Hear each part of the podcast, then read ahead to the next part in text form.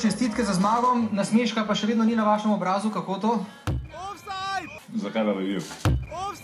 Premagali smo reprezentanco Litve, to smo si vsi skupaj želeli, pokazali smo predstavo, ki je boljša od prejšnjih. Se, ja, seveda, vsaka zgodba je, pustimo to, imamo mes nasmešek ali ne, to ni bitno, zdaj bitno je, da, da smo mi tekmo zmagali, da so fantje odigrali zelo dobro uh, tekmo uh, in to je v tem trenutku najbolj pomembno, tako da vse drugo je pa poslanskega pomena. Ostala je Slovenija, pogojno rečeno, med živimi, eh, bo spanec mirnejši. Ja, mi smo bili mirni, lete, verjemite mi, če ste nas vi že pokopali, tako da mm, mi in fantje in strokovno vodstvo in vsi, uh, mi smo dokler lete, bom rekel, delala se je tragedija po tekmi uh, na Slovaškem, zdaj kdo je delal njemu na čast, mi smo pa vedeli, da če danes zmagamo tekmo, imamo še dve tekme, še šest točk je, je uh, v igri. Ampak vidim, da, da zdaj meni se doskrat uh, očita, da nimam vere v, v, v fante, ampak zdaj pa vidim, da velika večina medijev in tudi vi in vsi ste nas že kar pokopali, tako da super. Super, bom jaz tudi rekel, nimamo več šanse v Angliji, itak nimamo kaj zadelati, tako da, ker ste nas vi že itak odpisali uh, po tekmi iz Slovaško, tako da upam, da bo to nam bilo zdaj uh, spustitev, itak smo izpadali že, tako da uh, bojo fante šli na Wembley odigrati lepo, lepo mirno, brez uh, treme, brez stresa, pa bomo videli, kaj se bo zgodilo. Ste si dali duška zdaj, gospod selektor. eh, Kljub temu, da morda ne, ne mislite, tako vam slovenski reprezentanci Ja, privo, privoščimo Ja. to zmago, tudi, tudi novinari. Hvala lepa in srečno na preostalih dveh tekmah. Hvala vam tudi. Vse v redu, se boš, da me ne vidijo. Lepo pozdravljeni na novinarski konferenci Nogometne zveze Slovenije po tekmi Slovenija-Litva, ki se je končala z rezultatom 4 proti nič. Srečko, najprej uh, čestitke po današnji tekmi. Uh, Hvala. kakšni so občutki? Občutki so pozitivni, seveda, uh, čestitke fantom, odigrali so resno, skoncentrirano skozi celo tekmo, uh, tako da zaslužena zmaga in gremo naprej. Tako da čez en mesec nas čakajo naslednje dve tekme. Naslednje vprašanje. Treba odločitve sprejemati, zato sem pa tukaj. Uh, treba oceniti po prvi tekmi, v kakšnem stanju so igravci, analizirati nasprotno ekipo in uh, se pogovoriti z igravci, predvsem tisti, ki grejo na klop, pa so bili včasih standardni in to se je izkazalo uh, na današnji tekmi za pozitivno. No comment. Glejte, mi smo že pred, pred samo tekmo s fanti vedeli, da se je po Slovaški naredila tragedija. Ne? Zdaj se vidi, kdo ima, kdo ima vero v fante. Eh, Meni, meni se je dosti krat uh, učitalo, da jaz nimam vere v fante. Vsa čast, hvala, hvala vsem, ki ste, ki ste uh, naredili atmosfero tako pač, kot jo delate. Drugega nič, nič posebnega, tako da uh, super, da je bil pol stadiona, ker tisti, ki so imeli že karte kupljene, verjetno je bolj, da, da so ostali doma in uh, atmosfera je bila super.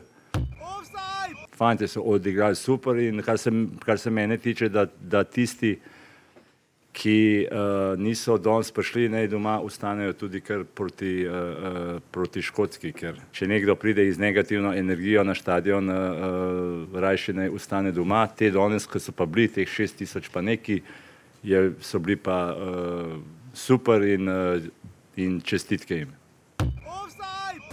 Ja. Gospod selektor, se vam zdi, da so mediji naredili krivico po tekmi Slovaško, da so bile kritike? Nič jaz ne mislim, tako da no comment.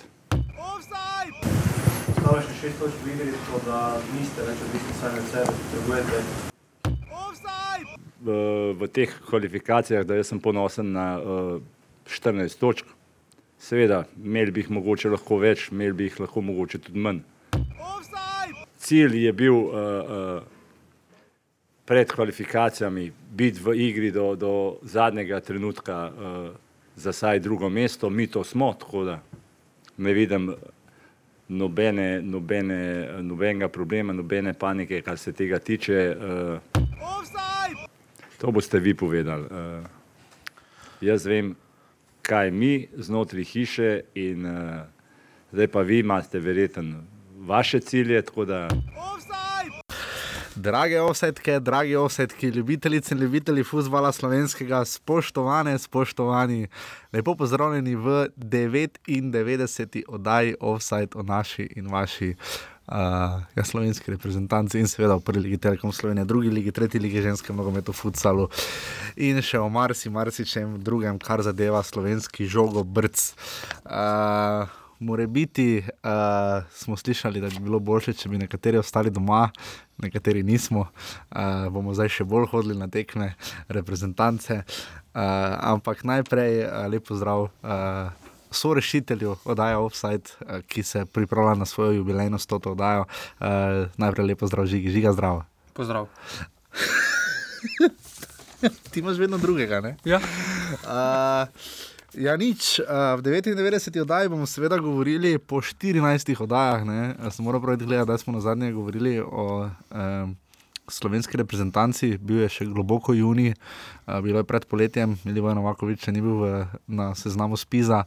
Uh, tako da uh, se znova lahko pogovarjamo o slovenski reprezentanci, uh, žal ne z najboljšimi novicami. Uh, še smo v igri, kot pravi gospod Katanec. In še se selekt, selektor. Še selektor Katanec, uh, ampak je dejstvo, da zdaj, ker od nekoder upajo na šest točk, uh, Angliži ima 13 zaporednih zmag na Wembleyju, podarjam 13 zaporednih zmag na Wembleyju, mi računamo torej na 6 točk, uh, ampak kakorkoli o tem nekoliko več kasneje.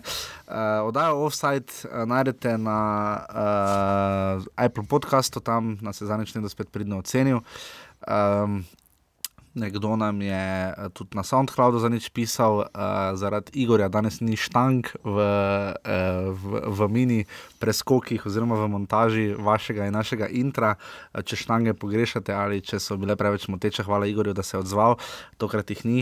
Uh, in pa seveda napišete nam lahko na vse urbane.si, kot je to naredil Igor, uh, in lahko naredite še drugi. Najbolj vesela pa sva seveda naslednji teden, uh, je treba kupiti gajbe pirane. Uh, to ljudje stane. Hec, zelo veseli bomo, če nas podprete, da bomo lahko šli uh, čim bolj po poteh uh, slovenskega futbola, kamorkoli nas ta popelje če ne reprezentanca v Rusijo, pa vse Maribor. Uh, tako da na urbani.si pošiljnica vse, vse lahko zveste. Uh, Luka to počne vsak mesec redno, nekdo nam je za nič zopet dal donacijo, res vsaka donacija nas, uh, nas mi razveseli, da lahko to počnemo še naprej, plačamo za server, uh, gremo kam in tako naprej. Tako da res upamo, da bomo po stoti oddaji uh, imeli še več zagona. Uh, današnja oddaja ima dva gosta, zato že v osnovi lahko vidite, da je nekoliko daljša. Uh, prvi gost bo Andrej Milkovič, sjajen sogovornik, res ga je prijetno poslušati. Jaz sem res pozabil na čas, ko sem se pogovarjala, tako da je res zelo dolg pogovor z njim, ampak mislim, da boste zvedeli marsikaj in tak luciden. Pogled avtorja, ki je ta teden imel kar specifično kolumno. Kako si ti razumel, že dolgo ni kriv katanec, že dolgo ste krivi vi, kako si ti razumel ta naslov? Uh, to jaz bolj razumem. Uh, da leti na nogometno zvezo, no. pač mm. na tiste odgovorne. Tudi, mislim, da se sedaj tudi že ustvarja to mišljenje. No. Že pred to kolumno se je ustvarjalo, da je nogometna zveza v bistvu kriv, kriva za vse te naše tegobe, ki se sedaj dogajajo v slovenskem nogometu, o poslušanju vseh novinarskih konferenc, eh, selektorja in podobno. Da sam selektor si ne da pogodbe. Tukaj so drugi na tem mestu, ki mu dajo papir za podpisati in takšno plačo. Absolutno je pa tudi res, da letelo na del medijskega prostora, s katerim Katanec eh, bije drugo največjo bitko, tretja je tista, ki je da, druga smo mediji. Res škoda, da ni bil nikoli v Angliji. No. Ja, prva bitka je seveda tista, ki jo bije najbrž sam za seboj. Eh, o tem boste več slišali v pogovoru z Andrejem Milkovičem in pa v, drugo, v zadnjem delu daje, kot smo obljubili, eh, da bomo pozorno letos spremljali drugo ligo bil derbi, sjajen derbi, uh, dve proti dve, uh, nafta končala z devetimi, dva penala, oba obranjena, mislim, da ne. Ne, en je bil En je. branjen, en, je bil branjen, eh, en pa ne. Uh, ampak v vsakem primeru uh, je res pestro. Smo poklicali Anteja Šimunžo, uh, ki je tretjič že v Murski soboti. Uh, Mura je na vrhu, druga ligaške konkurence in uh, povedal je veliko o ambicijah, o prihodnosti, o tem, uh, kje vidi Muro, ne na zadnje, ki jo čakajo z domžalami. Domžale, kot smo lahko danes videli, so se ukrepile z Agimom Ibrahimjem. Uh, Najna priljubljena tema.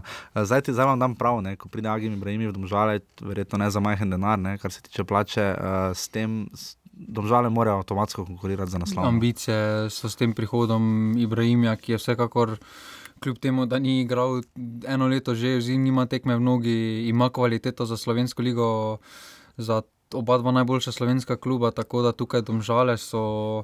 Glede samega prihoda, vložili resno kandidaturo. No. Absolutno, glede na.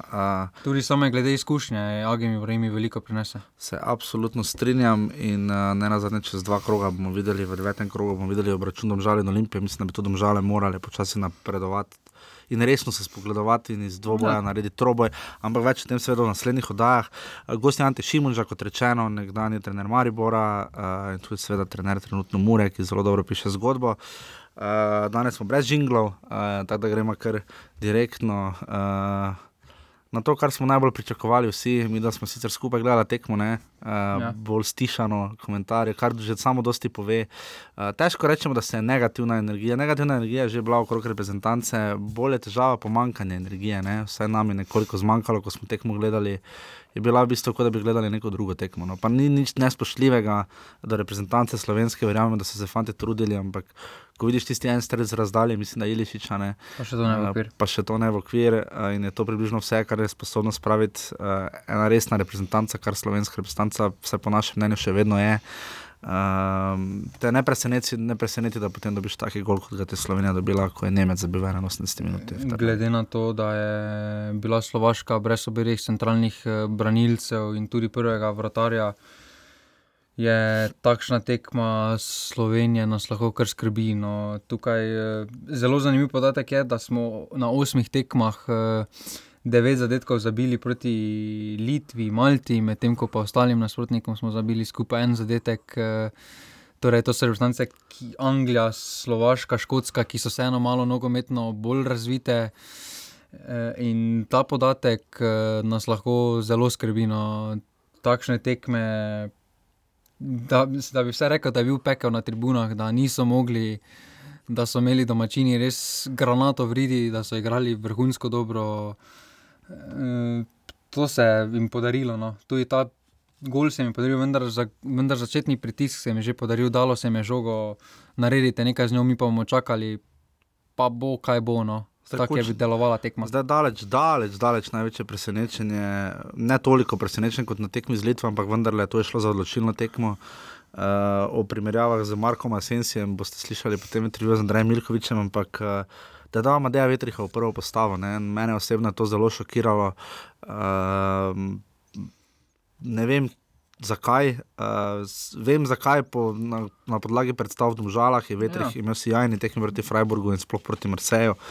Ampak uh, vendarle dati za odločilno tekmo igralca, ki še sploh ni imel resne tekme v reprezentanci, je pa malo, malo, malo spodrsle, pa ni, bil, ni bila težava, da je Ja, Vetrih, pa da ne bo tudi pomote. se mora zavedati, da Amadej Vetrih igra v Domžalah na drugačnem položaju.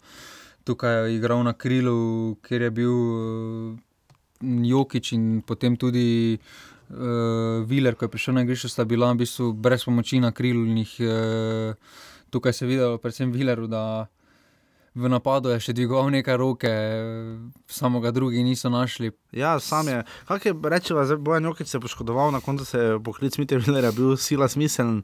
Uh, če ne bi, ker je še struna odšel, bi imel uh, Katanec res velike preglavice, Viler je stopil v 9 minuti, debitiral za reprezentanco. Uh, dobro je opravil svoje naloge, no tudi na povratni tekmi, ampak se zdi, da tu nima te samozavesti, ni uigranosti, da bi tako samoumevno šel naprej, uh, skušal pomagati, ker boki so bili tisti, kjer bi Slovenija lahko naredila, višek. Nec Kubic ni ta igralec, kot se je pokazalo tudi proti Litvi, pa ni Kubic kriv, Kubic je igral v Turčiji fenomenalno na svoji poziciji, ampak v bolj zaprtem sistemu, ja. Ja. bolj rigidnem 4-4-2, tu pa je Slovenija v sistemu 4-2-3-1 potrebovala boke in jih ni imela. Ne. Ja, tukaj, eh, če smo se odločili za takšno taktiko, kot smo se, kot kaže proti Slovaški, bi potrebovali prodorne boke, oziroma boke, ki vsaj upajo iti naprej. Uh, ja, tukaj pa Skubic uh, v to kategorijo in v, v defensivnem delu je med boljšimi v slovenski vrstanci, tukaj ne moremo nič. Uh, Tukaj je zelo dober, v igri ena na ena, vendar v igri naprej to ni to.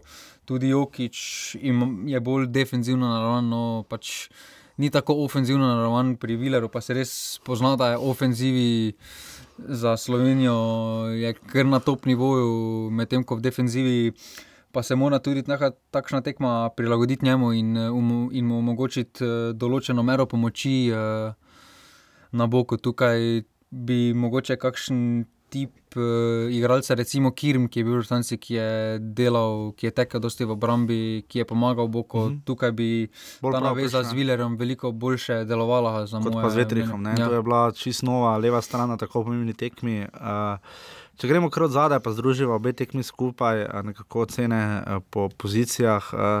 Vsi sicer pravimo, in je res, da je tam Joe Hart rešil tekmo v Stožicah za Angleže, ne? ampak pozabljamo, da je tudi Jan Oblak tam imel fenomenalne obrambe. Jan Oblak, na še vsako tekmo še na seriji. Ja, v bistvu to to je edina resnejši napredek. Zadnjič smo se pogovarjali, včeraj smo se v Stožicah pogovarjali malo. Če bi naštevali negativne stvari, ki so se zgodile pod Katancem, kaj je pozitivno, je ta, da je Jan Oblak postal prvi vratar reprezentance, ampak dobro, to tako ali tako srečo Katanec, kaj dosti s tem ja. nima.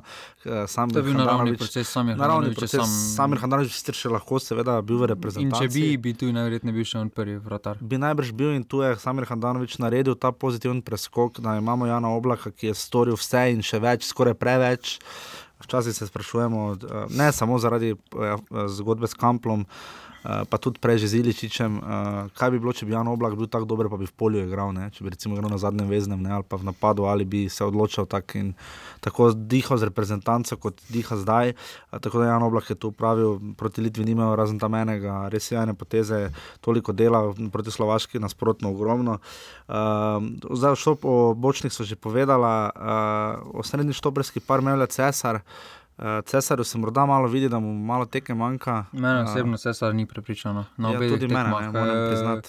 Tudi Litvanci nekaj niso poskušali v napadu, vendar tisto, kar je bilo, je bil cesar, cesar vedno udeležen. Ja. Da, da bi lahko bilo nevarno za nas. Njegov igra z glavo manjka. Ja, tukaj se mu pozna, da nima samo zavesti, no, ker res ne igra v klubu. Ja, 35 let je star. Uh, tukaj je Lame Amlinar, bi veliko čudno se greva se dolgo, no. čudi, da, da ga ni uporabil, uh, da ameriški nogomet prosperira. Smo lahko videli v dejstvu, da je David Vilja zadnjič stopil za Španijo, pa igra za New York City. Uh, tu je dejstvo, da ameriški nogomet nogomet se tukaj lahko popolnoma kosa, zdaj pri nas pa sploh tu eh, ni nekih dilem, glede na to, da imamo tudi drugo ligaški futbal v prvi ligi, ne, mislim v reprezentanci.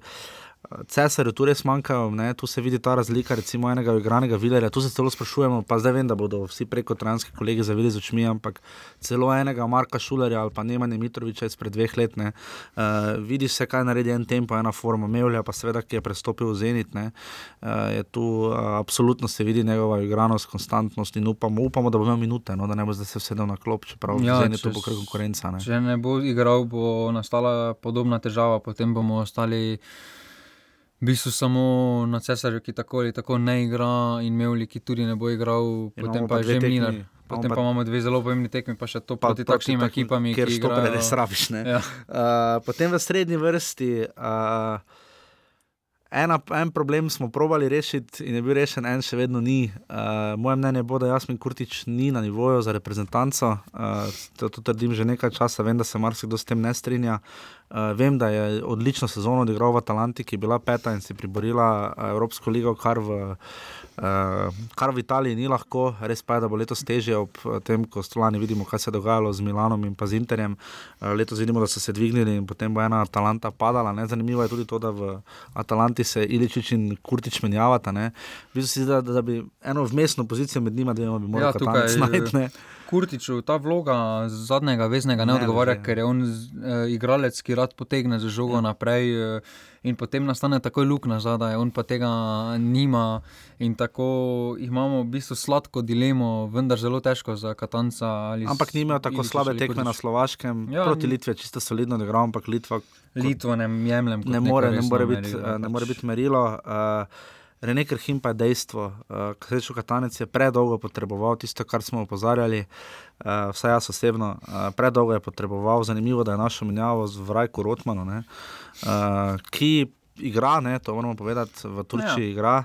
Uh, bil je že reprezentant, ne na zadnje, ni, ni popolni novinec, uh, bil je zraven tudi takrat v tisti akciji, ko je še bil pri nas, ne prednje od, odšel v Turčijo.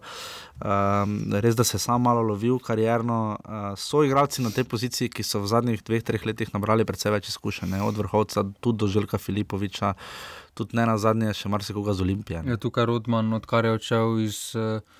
Rudara potem do sedaj v bistvu ni igral dobene večje, pomembne vloge pri dobenem klubu, letos je sedaj ponovno začel igrati. Eh, tukaj pa se spet pojavlja vprašanje, zakaj en vrhovec, oziroma en kapha, njegov soigralec lahko začne kapha za izraelsko postavi, medtem ko pa vrhovca niti na seznamu, ki ja. je po statističnih parametrih eh, plevel za ligo proko, je igral celo boljše od kaphena. Ja, tu je zdaj za Rajka Rotman, Rajko Rotman, upam, da ne bo postal novi krhin, pa se tudi trenujem, krhinu ne želimo nič slabega, absolutno ne. Upamo, da bo začel vse igrati. Zdaj je šel v Nant, uh, upamo, da bo, zač, da bo dobival te svoje minute, ki jih več kot očitno potrebuje. On je bil popolnoma odrezan, izgubljen. Uh, In uh, Slovaki so krmili igro na sredini, igra je bila tako ali tako raztrgana.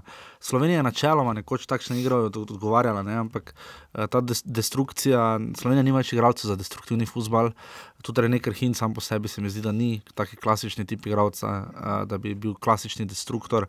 In tu bo Katanec ali moral menjati svoj sistem in svoj nogometni DNK, kar je, ob, kar je iluzorno pričakovati da bi recimo menil sistem. V, ta reprezentanca ima dosti boljši sistem kot če sloni na takih dveh zadnjih veznih, celo 4-3-3, 3-4-3. Vsi sistemi so boljši, da imaš eh, eno kompaktno sredino kot pa ta način. Ja, tukaj eh. se proti Slovaški se nam je poznalo, da nismo imeli hitrosti. No. Ja. Tudi ko smo povzeti žogi.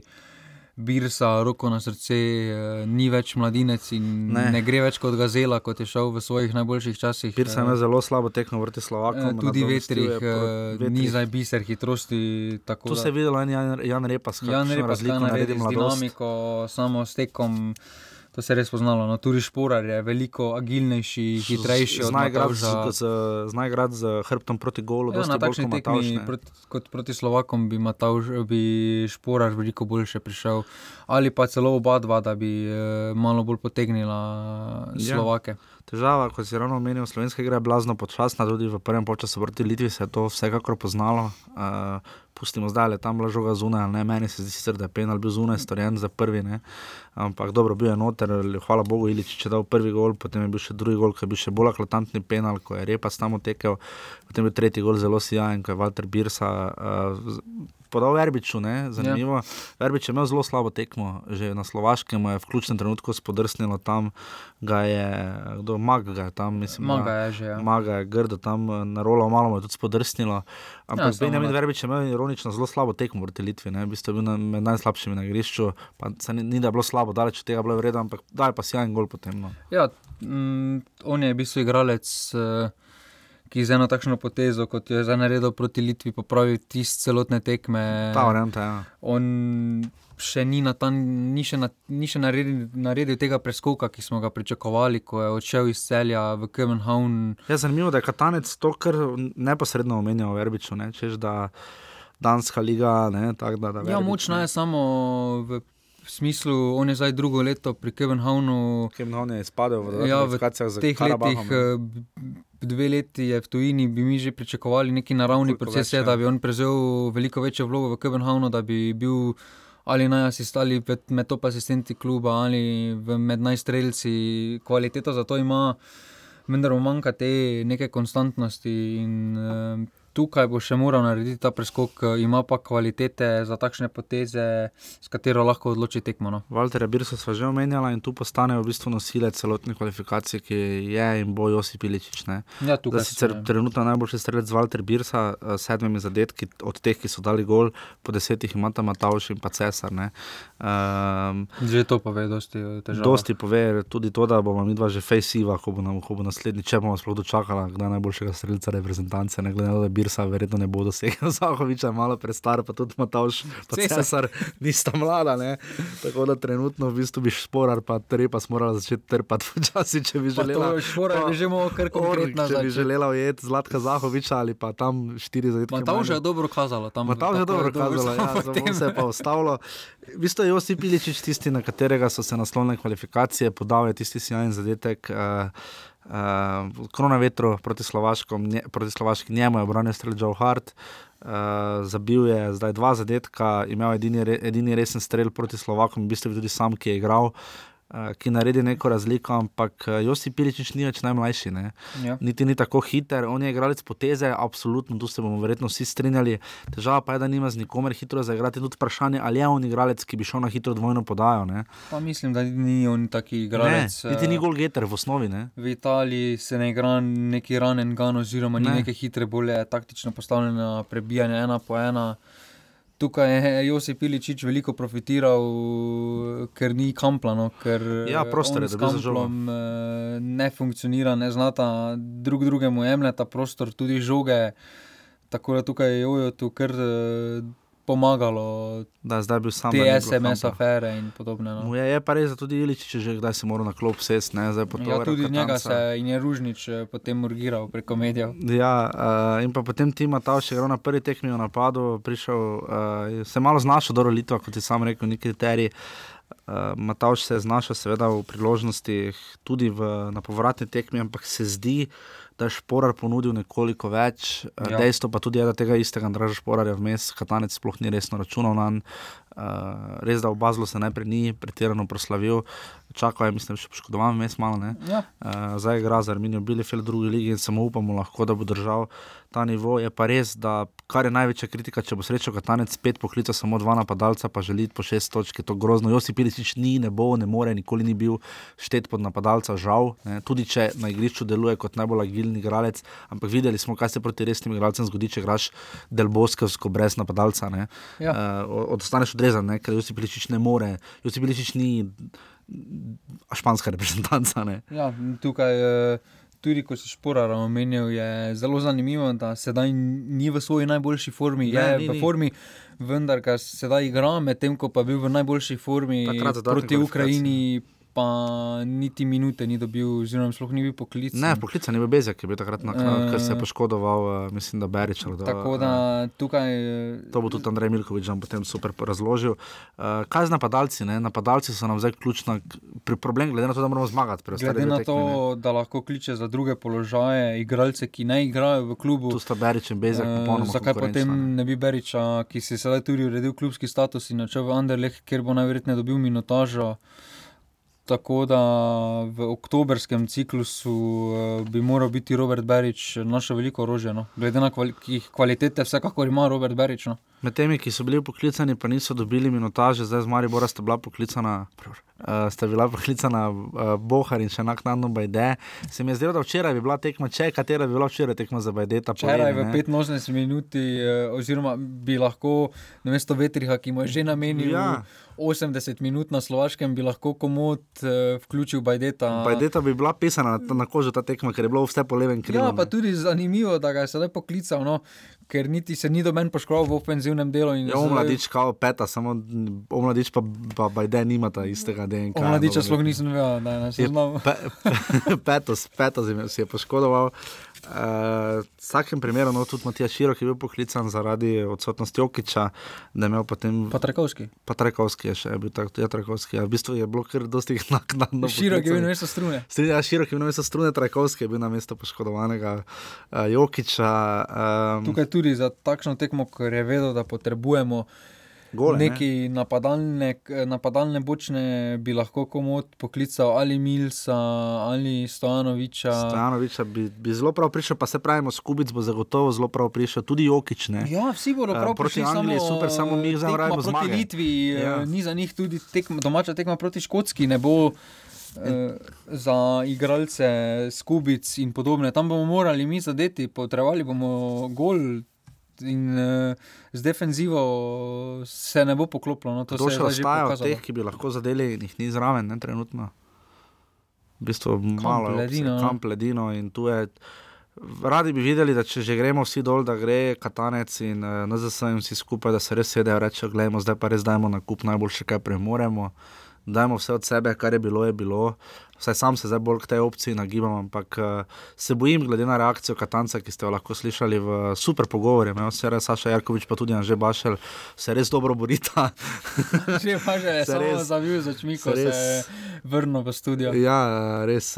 Tekmeci sreča Katanca so srečo Katanec, Anglija, Slovaška, Anže Bašel, Saša Jarkovič in bolj vsi Res, ostali si mediji. ne. sovražnike. No, tukaj, Ja, škoda, včeraj je imel res lepo priložnost, da bi malo zadihal, uh, tudi razlagati, ne hoditi na tekme, ostanite doma, je malo podcenjujoče, oziroma predvsem sponzorje bi tu moralo resno skrbeti. Pa tudi ne na zadnje NZS, ne? Če, pro, če bi prodajali tekme Slovaško po 20 evrov, to je 6000 kart, ne? to ni malo denarja. ne. Uh, sploh glede na denar, ki ga domnevno on prejema za svoje delo, ne? ki seveda ni filantropsko brezplačno. Uh, in res upam, za konca Rupert, sta brezplačna. No, za konca ona dva sta, uh, ampak upam, da. Ampak gledaj, točke so delali bioenergetske, ne. Stoži tam se je dvignila bioenergetska točka, če se je že zelenica, podobno kot v Ljudskem vrtu, zelo poslabšala. Uh, Najbolj bi da v domžalah igrali s škoti, ne. tam je čisto nova zelena trava. Uh, ampak v vsakem primeru, no, morda tvoja želja, uh, vem, da je to bolj uh, prosto pa prešerno, pa prosti spis, to mišljski, ampak kakšna je tvoja želja, kaj bi si želel za zadnje dve tekmi. Dejstvo je, da teoretično smo še v opciji, ampak praktično je neverjetno pričakovati, da, da Slovaki ne poknili Malte. Ne. Ja, tukaj je, to je res.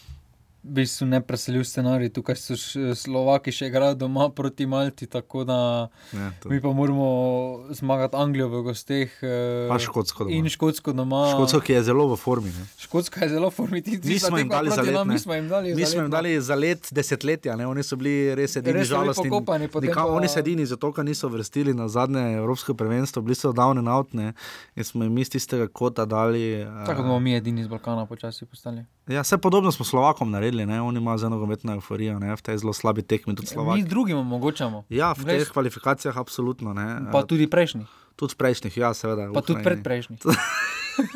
Kak si zloben. Vidite, žiga, ko se, se ga še spomnite, kak je na začetku jedva, uh, sploh kaj rekel, držal se je scenarija, zdaj pa pogledajte, vidite eskalacije, ki jih lahko slišite, seveda samo v oddaji, vsaj 99 oddaja, cenjeni, cenjeni.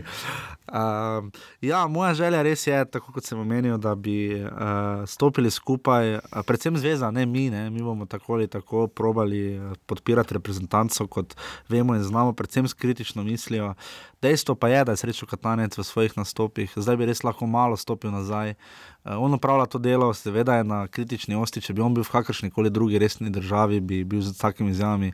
In predvsem napadi in s podletelim sarkazmom, cinizmom, karkoli že to si noči bilo, ne, na Sašo Jarkoviča. Uh, Gremo pač zgubiti v Anglijo, tega pač. uh, To so izjave, ki. To se, za, to, to, to se od selektora niti za šankom ne pričakuje. No.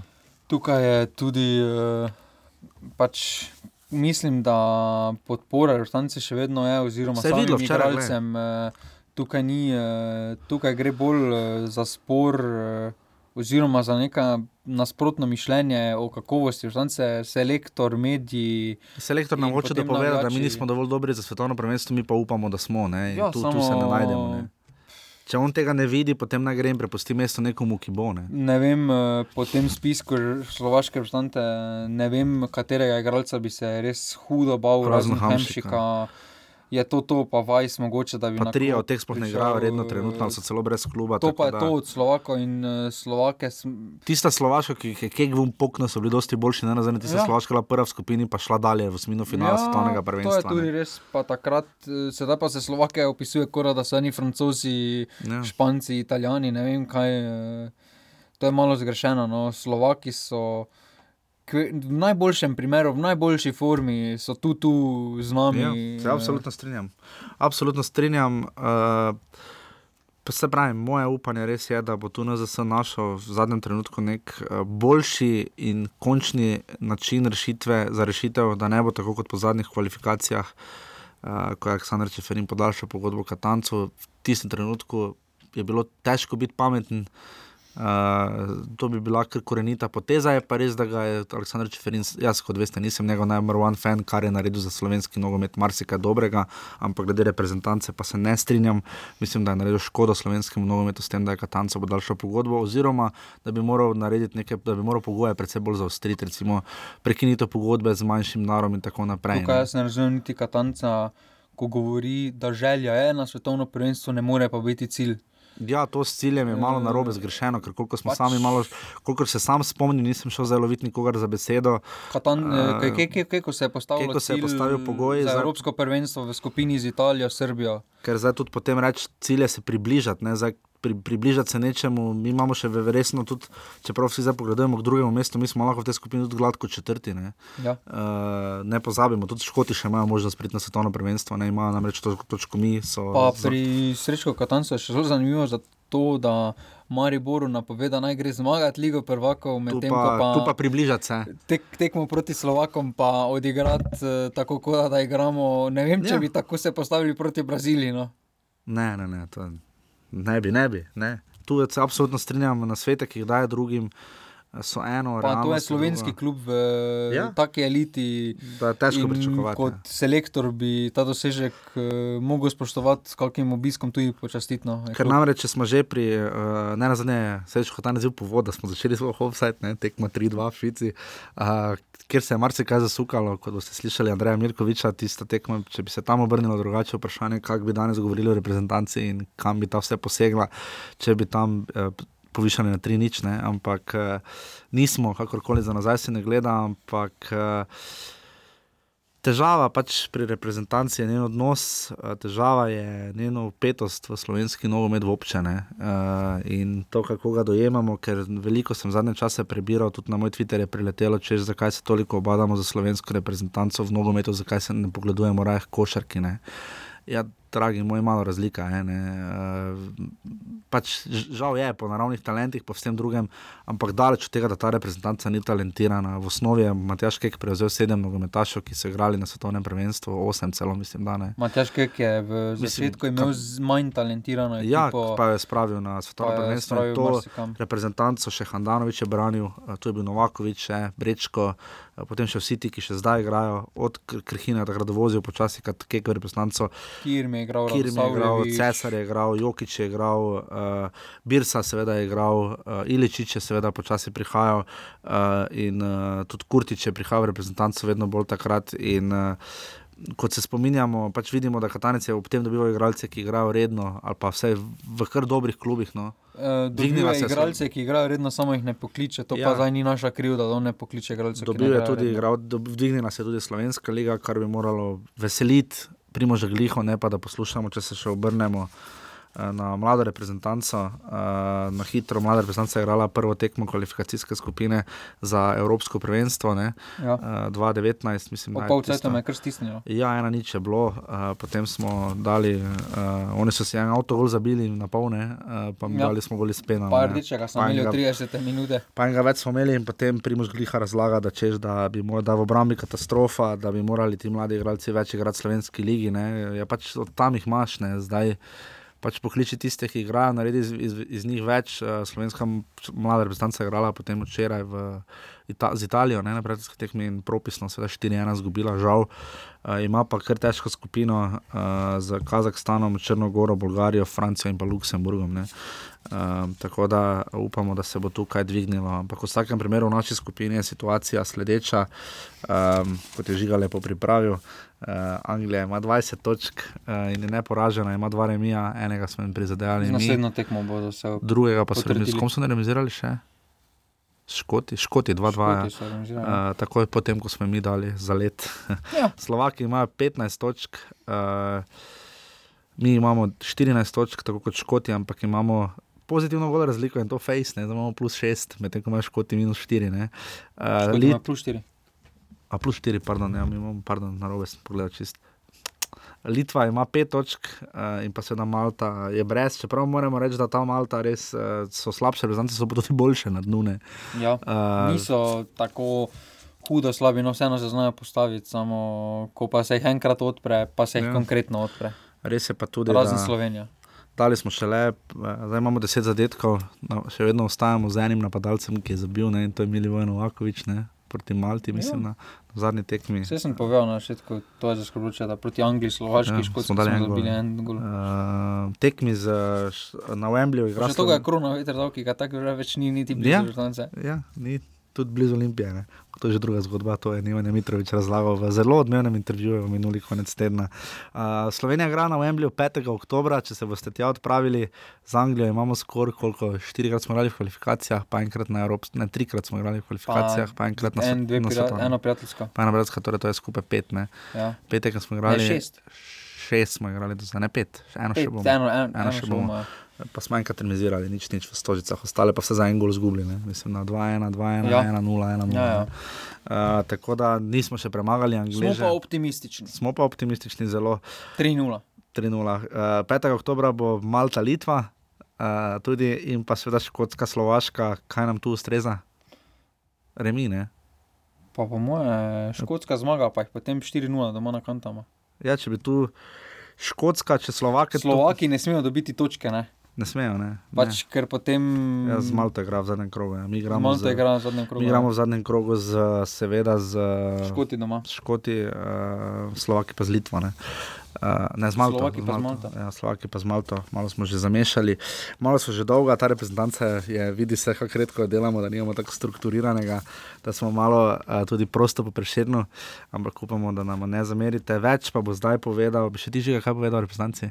Ne, mislim, da smo vse povedali. Ja, nismo vsega. Moram povedati to, da bi se res rad zahvalil nogometni zvezi Slovenije. Um, smo imeli rezerviran plat, nismo imeli vsi, pazi. nismo imeli vsi. Niso Je pisalo offset podcast. ne. Tako da glede na to, kje smo začeli, uh, kako vsak sebi smo bili, sploh jaz, verjetno. Uh, me res veseli, da smo tako daleč prišli, da smo iz, izboljšali nazadnje odnose, da je tudi Raden Komijatovič bil gost, uh, da pridno sodelujemo. Uh, res hvala uh, vsem, ki so to omogočili. Uh, Pa za ričet, ne med polčasom, uh, je bilo zdaj res toplo. Tu so ga za konca skuhali. bej. Ja, Tako tako da. tak se še danes Se čutiš že elektromagnetno? Absolutno. Uh, in bomo tudi v bodoče, ravno zdaj, ko ne gre, oziroma bomo pač reprezentanco pokrivali v offsajdu, dokler bo offside, bomo reprezentanco seveda. Uh, Reprezentanca je vseeno krona, no? veliko je videlo, kaj je Ja. rekel Jan Repas, da je od otroštva sanjal, da bo, čeprav je še na pol najstnik, ne. Uh, rekel, da je od vedno sanjal, da bo reprezentanca tudi uh, tweet Mitja Villerja je bil domala ganljiv, ne, uh, da se mu je uresničila še nekaj, še ena velika želja in je res ponosen. Tu se vidi, da reprezentanca še vedno predstavlja. uh, Izziv in nekaj več v karieri, no vseeno se lahko pohvališ. Zato se tudi Mili Vojnovakovič, z, po moje, bolj zmirno vestjo se je poslovil no, iz nogometa. Najprej mi je bilo žal za Ligo prvaka, zdaj pa to gleda. Pa. Ne, pa vseeno je v reprezentanci ja, ne. dal se- reprezentančni ja, nogomet, pa vseeno krona. Skoraj noben se ne poslovi v reprezentanci, Ja, vsi se, se v tudi klubu, vidi, da se na vse zadnje tudi Cristiano Ronaldo in Messijo je kar hudo, ker še nijata in med, oziroma neke lovorike. Ronaldo ima. Ronaldo ima, ampak predtem Ja, je bilo ja, zelo zelo hudo, ker še ni imel dobene lovorike. Res je. Vseeno je reprezentanca krona. No. In v tem oziru uh, smo videli, koliko pomeni, uh, če en Andraš Porar in Damien Bohar sedita. Bohare moramo omeniti. sedita na klopi in se pač pogovarjata in sta vesela in sodelujeta. ne glede na to. Bohar je za mene mrtev. Jaz ne razumem, da je za tebe mertel. No, zdaj se bo pa razbrcal in razgovoril zelo lucidno. Uh, vem, da smo že dolgi, ampak se splača prisluhniti uh, Andreju Milkoviču iz ekipe 24. Tako da uh, prisluhnite pogovoru, brcal bo Andrej Milkovič. Jer ja, jer ja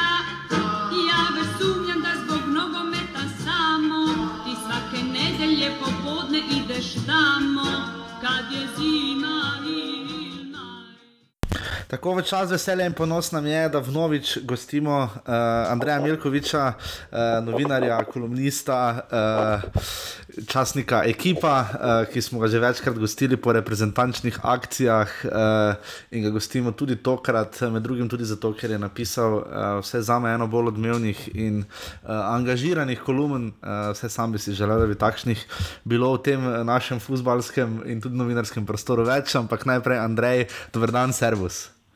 Lepo zdrav, zdrav. Um, Andrej, vrniva se za trenutek uh, na naslov uh, te kolumne. ne. Uh, že dolgo ni kriv katanec, že dolgo ste krivi vi z velikimi, črk, z velikimi črkami vi. Uh, kdo točno naj bi bili to mi, če lahko še malo, morda si se da vse, bomo dali tudi link do tvoje kolumne, se da vse tam lepo prebrati. Ampak uh, ko, koga si na to mislil in kako si to kolumno razumel, recimo, ko si včeraj gledal tekmo? Mislim, da vi ni nekaj, kar bi veljalo za vse, nikakor ni, pač v tem vi se mora vsak najti, lahko pa pomagamo absolutno najti, pa ne čisto dotične posameznike, ampak mislim, da skupine ljudi, ki po mojem mnenju so kakor uh, odgovorni za to, do česar je prišlo in pri čemer na vse zadnje, če bo verjetno še govorila, še vedno smo. Jaz mislim, da se nič kaj dosti ni si noči spremenilo, ampak pojdiva lepo po vrti, torej kdo so vi v določeni meri slovenski mediji, ki so dejansko dolgo časa močali ali pa zelo, zelo skopo in nekako res faktografsko poročali o zadevah, ki so bile vredne marsičesa drugega, ali tega ne.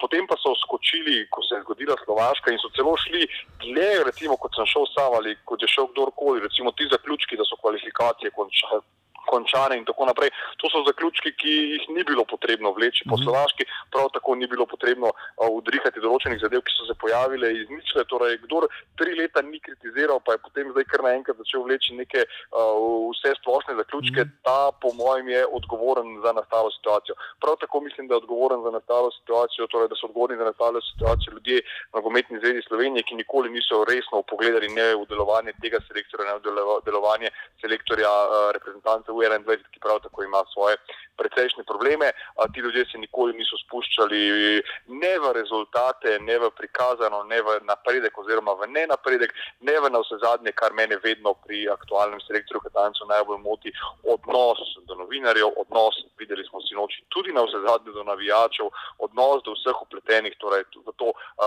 arogantnost, v ta cinizem, v to privoščljivost.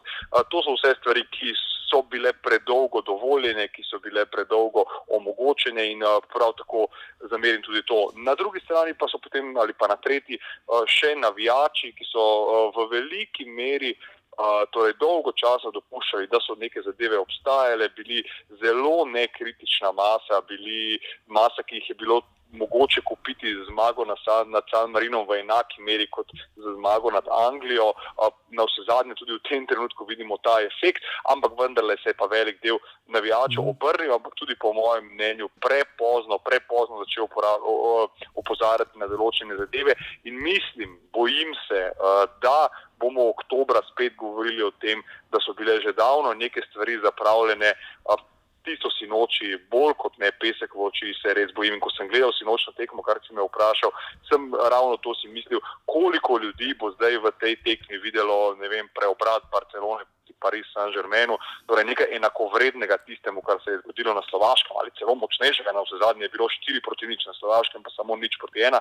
Jaz upam res, da je število teh ljudi, ki so dojeli to kot uh, najmanj enakovredno ali pa celo močnejšo proti tež, majhno, kajti vse drugo bi bil uh, nov velik polom v dojemanju slovenskega nogometa in v dojemanju tega, kar se dogaja z reprezentanci. Andrej, morda je izvirni greh bil v tem smislu morda narejen po koncu dodatnih kvalifikacij za Ukrajino, ne? takrat je bil še predsednik Aleksandr Čeferin, on je sprejel takrat izvršno odločitev in podaljšal pogodbo selektorju, ki se ni uvrstil na Evropsko prvenstvo, čeprav je bilo to razširjeno.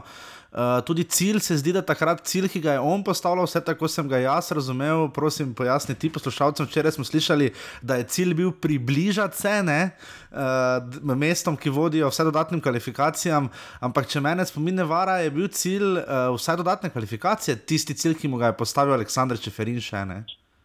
Jaz absolutno menim enako, jaz mislim, da je to bil cilj in jaz mislim, da to mora biti cilj. Zdaj, vedno je, vedno cilj vprašanje žreba, torej imamo v teh kvalifikacijah skupino z Španijo in Italijo. Če bi bila Slovenija v tej skupini, potem seveda ni nihče tako nor, da bi postavljal cilj dodatne kvalifikacije ali še več, da bi karkoli zahteval.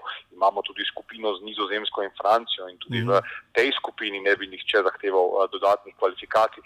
Ampak, če se pa pogovarjamo o skupini, kjer recimo, da je Anglija prva in da je to bo v 99 odstotkov primerov, uh, potem pa imamo Slovaško, Slovenijo in Škotsko, pa mislim, da je edini cilj lahko drugo mesto in dodatne kvalifikacije. Pravzaprav še več kot cilj to mora biti zahteva pred selektorjem in pred nogometaši. Jaz res ne vem, kje sem zamudil uh, tisti trenutek, ko sta Škotska in uh, Slovaška postali taka vele sila v primerjavi s Slovenijo. Jaz mislim, da po nobenem, ampak čisto po nobenem kriteriju v tem trenutku nista. Jaz mislim, da vse te katančeve analize, katerim poziva, bi pokazali in kažejo, da gre za tri recimo temu najmanj enakovredne reprezentance in da v tem najmanj enakovrednem boju bi Slovenija morala pokazati neprimerno več, kot je v Glasgowu in Trnavi in da bi morala končati pred tema dvema reprezentancama na koncu. Vse kaj drugega je za me velik neuspeh in bo za me velik neuspeh, če se bo vrnilo tako, kot trenutno kažejo stvari, kljub uh, sinočni visoki zmagi na Dejtu.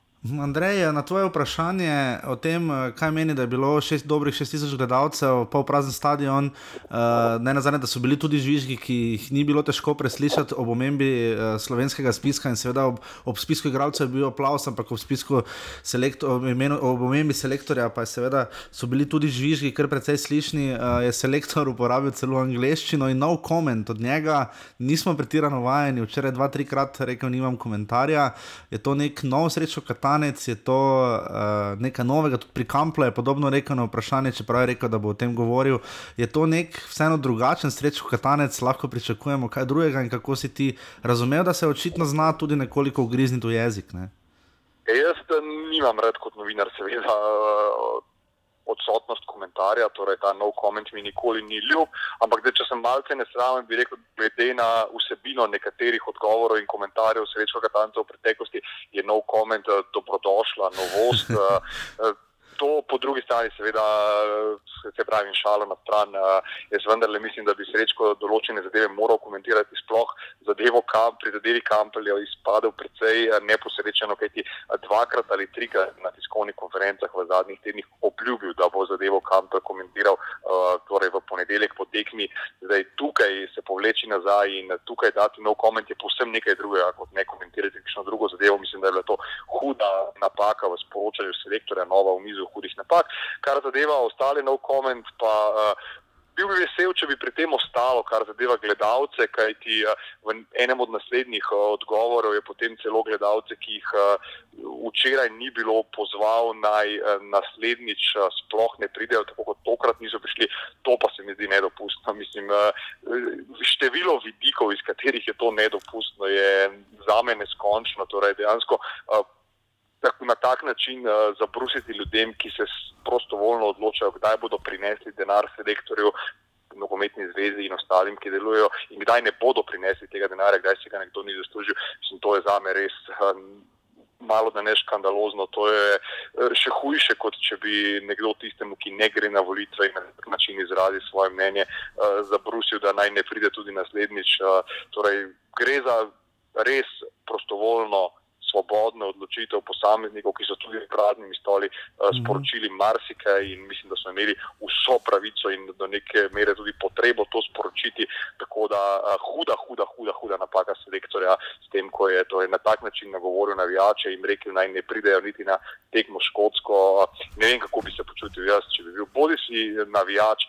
Bodi si kdorkoli, ki je upleten v delo z navijači ali s pokrovitelji na nogometni zvezi. Ja, ne, na zadnje bi to moralo, ravno sem isto reči, skrbeti tudi pokrovitelje. Uh, kaj bi rekel, uh, kakšen je po tvojem mnenju odnos selektorji-igravci, ko si včeraj bil v Miksoni, uh, ko si se pogovarjal z njimi, ko imaš, kakšen je tu občutek, kakšna je tu naveza. Recimo, videl sem tweet Mitja Villerja, ki je izrazil velik ponos, da se mu je spomnila ta želja, da je igral za reprezentanco, tudi Jan Repa si bil vse navdušen. Reprezentanca igralcem se vidi še vedno nekaj pomeni. Videlo se, kako vesel je bil Walter Birca, ko je zabil, koliko Josip Iličič dva gola pomeni. Ta reprezentanca še vedno igralcem samim veliko pomeni, ampak kaj bi rekel, zdi se, da je selektor Katanec popolnoma v nekem svojem svetu na eni fronti, igralci pa popolnoma na drugi. Ne?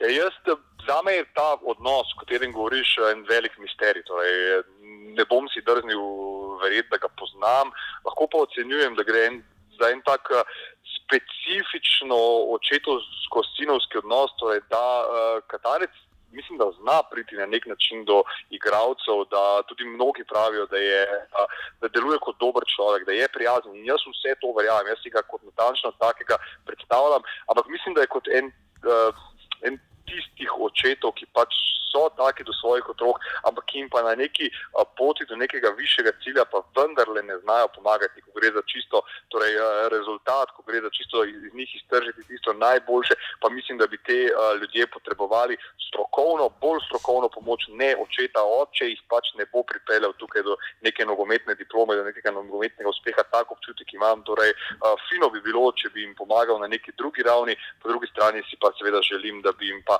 na tisti čisto strokovni, na tisti zelo konkretni, pa napredovati pomagal nekdo drug, ne nekdo, ki je zgolj prijazen do njih in ki jim omogoča neko tako uh, lagodno dojemanje celotnih reprezentančnih zborov, ampak nekdo, ki bi znal udariti po mizi, znal vzpostaviti pravo avtoriteto in znal priti do pravih rezultatov. Sinočni to vendarle ni. Lepo je premagati Litvo 4 proti nič, ampak nekajkrat bom še podaril, precej manj se je včeraj spremenilo, kot bi si marsikdo želel, spremenilo. Torej, enačba iz Trnave, enačba, ki smo si jo uh, naložili na pleče v Trnavi, je ostala popolnoma nespremenjena. Dodatne kvalifikacije so za nas še vedno zelo daleč. Ja, in tudi nekaj, ne? zdaj, kar naenkrat ne od tega selektorja Katanca, ki razlaga pač, da drugega nima, da je to, kar ima. Uh, zdaj se govori o šestih točkah, pri čemer Angliji sploh še niso izgubili, že zelo dolgo tekme na Wembleyju, imajo 100-stotni skupiček, že v kvalifikacijah, ne vem kako dolgo, zelo dolgo.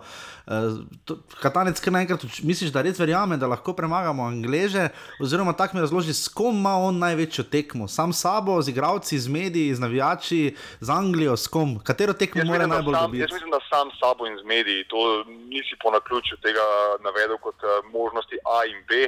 Uh, jaz mislim, da predvsem gre tukaj za njegove te uh, komunikacijske bitke, torej, da je potem včeraj se postavil kot da je zmagati Anglijo nekaj najbolj normalno, na drugi strani na televiziji govori, da je itak uh, seveda ironično, da je tako ali tako ne bodo premagali in da je že vsega konec. Ampak realnost je taka, da Slovenija mora premagati Anglijo, Slovenija mora premagati Škotsko, pa tudi če obe premaga z 10 proti nič, to še vedno ne bo dovolj, če bodo Slovaki zmagali svoje dve tekmi. Tako da mi smo res daleč, pri čemer pa kot si, kot si dejal, uh, torej zmagati Anglijo na Wembleyju je že samo po sebi težko zaradi Anglije same in pa po drugi strani dobro, pa se poglejmo, poglejmo, če odmislimo Malto, si poglejmo naša tri preostala gostovanja, torej v Vilni, Trnavi in Glasgowu, uh, vse skupaj ena točka uh -huh. uh, in zdaj pričakujemo pa tri na Wembleyju. Dobro, jaz bi bil najsrečnejši na svetu, če bi jih dosegli, ampak realno je to zelo, zelo, zelo visoko postavljena lestvica.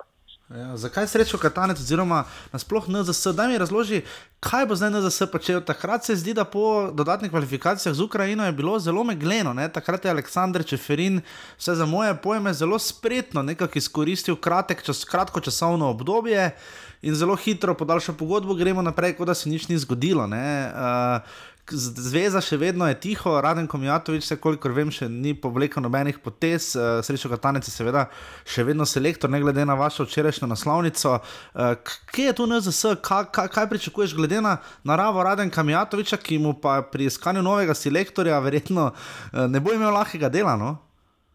Ne, nikakor. Jaz mislim pač, zdaj gledano na potezo Aleksandra Čeferina leta 2015, če danes gledam nazaj na njo, mislim, da je bila napaka in takrat sem mislil, da je bila napaka. Ampak dobro, takrat ni bilo to, zdaj, da bi bilo mogoče uh, res biti najbolj pameten na svetu in z gotovostjo trditi, kaj se bo zgodilo na vse zadnje. Jaz Katancu moram priznati, da je imel. Uh, Tiste jeseni leta 2015 v Bazlu, dve proti nič in Josipa Iličiča samega pred švicarskim vratarjem. Hvala lepa na svidenje, gremo direktno na Evropsko prvenstvo in vse bi bilo danes drugače. Katancu to moram priznati. Potem se je pa zgodilo, kar se je zgodilo, zgodila se je Ukrajina in uh, da je.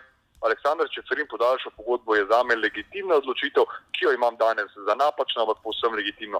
Na drugi strani pa mislim, da nadaljevanje s Rečkom Katancem v primeru, da se tokrat ne uvrstimo nič dodatne kvalifikacije, pa bi po mojem oceni uh, bilo pa že na meji škandaloznega, nedopustnega, neprimernega. Tako da tukaj se bomo pogovarjali povsem drugače. Andrej, morda še o samih igravcih. Uh... Zelo je pomagalo reprezentanci, pa nočem biti zloben do nobenega igralca, seveda verjamem, da res dajo vsi vse po svojih najboljših močeh, ampak za, za, za bistvo najboljšo potezo se je izkazalo, vse po mojem mnenju, da je srečo Katanec na klopi pustil Reneja Krhina, ne?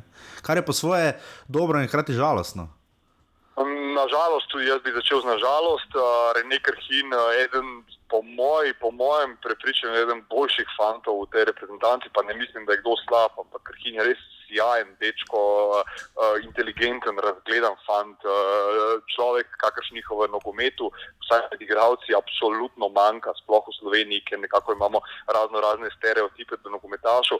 Tako da mislim, da tudi sjajen nogometaš, odličen vezist z velikim potencialom, ampak ja, očitno ne dovolj fizično pripravljen in ena od šok terapije je bila vsekakor nekaj hin, čeprav ne edina, tudi Walter Birsa je dobil uh, kar jasno sporočilo, pa potem bil sjajen, ko je vstopil mm. na igrišče, sicer na povsem drugačni tekmi in pod povsem drugačnim, praktično ničnim pritiskom, ampak Birsa za me najslabši človek na Slovaškem in kar nekako sem bil jezen včeraj na dan, ko je potem uprizoril tisti šov s tistima mm. dvema res sjajnima potezama, dobro, pa kje si bil nekaj dni prej, ko smo te res potrebovali, mm. tokrat te nažalost nismo. Uh, nekaj takih sporočil je bilo, ampak na taki tekmi, kot je bila sinočna proti Litvi, uh, je težko ocenjevati, kaj se je zares zgodilo, kaj bi bilo, če bi bil na igrišču kdo drug, ali so te igralci res poslali sporočilo, ali bi zdaj, ne vem, s Krhinom uh, bili slabši proti res, res, res slabi Litvi. Tako da jaz mislim, da ta tekma ni bila merilo, oziroma je bila.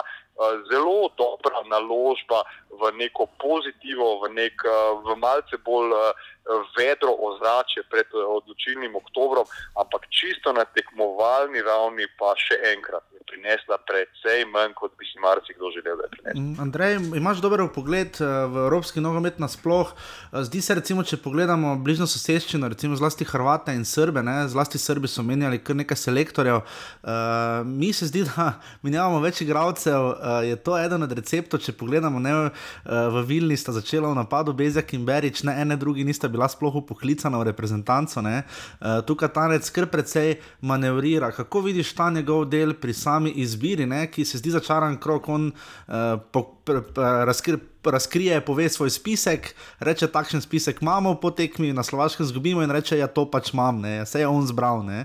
Kako vidiš to njegovo selektorsko vlogo, za katero se vsaj meni zdi, da mu v bistvu sama selektorska vloga povzroča največ težav, ne, tudi ne na zadnje predstave Mitja Vilerja, pa ne da bi Bojan Jokič bil kar, karkoli kriv, je vidno, da si je več kot zaslužil poklico reprezentanco. Ne. Jaz mislim, da uh, nikoli, nikoli mu nisem čisto zameril tega, da uh, jamra nad majhnim naporom nogometašev, da jamra nad uh, tem, da odigrajo premalo minut. Mislim, do neke mere ima vsekakor prav. Jaz vem, da Slovenija uh, ni ne Brazilija, ne Francija, vse je to kristalno jasno.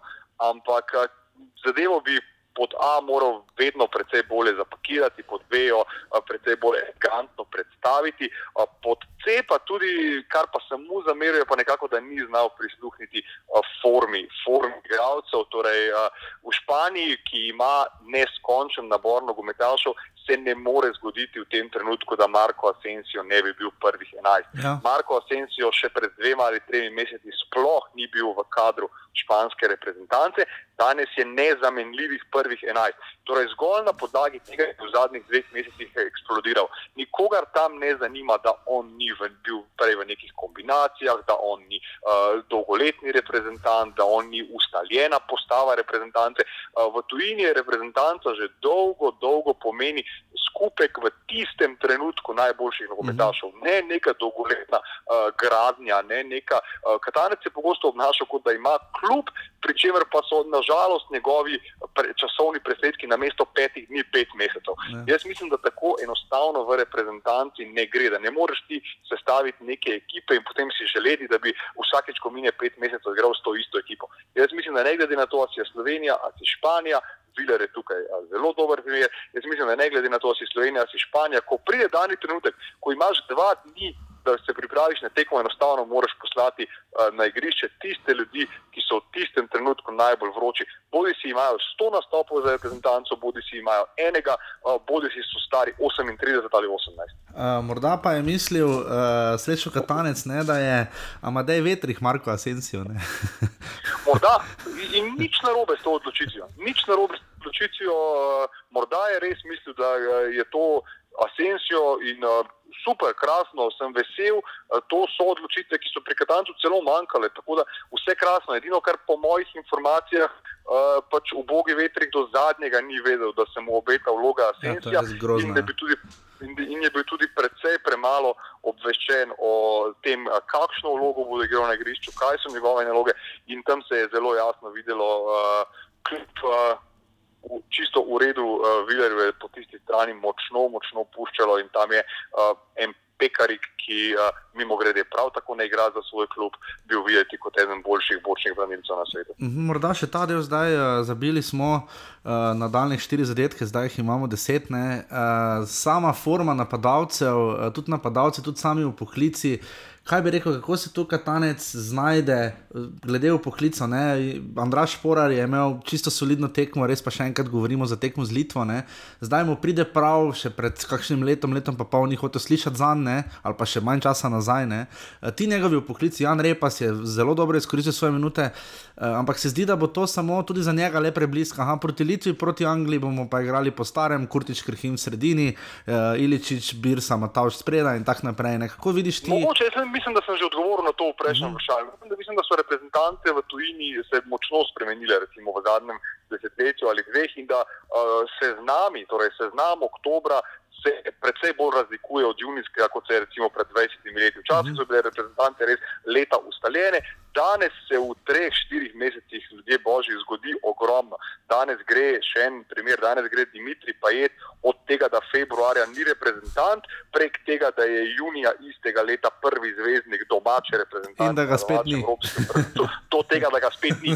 Tako pač mislim, da nogomet funkcionira v tem, primer, v, v tem času. In mislim, da je enostavno treba tudi na Vemblu igrati s tistimi, ki bodo v tistem trenutku najbolj vroči. Zato je toliko teže biti selektor, kot je morda bilo pred 20 leti, ko je to Katančo šlo tako zelo dobro in ko praktično se je vedelo, da tudi če nekdo v tretji ligi ne igra, ima tisto svoje mesto v reprezentanci in je to bila ena usteljena zasedba fantov, ki so pač eh, točno imeli svojo vizijo. Tako da jaz mislim, da v Wembley popolnoma nepomembno, kdo si, kaj si, koliko si star.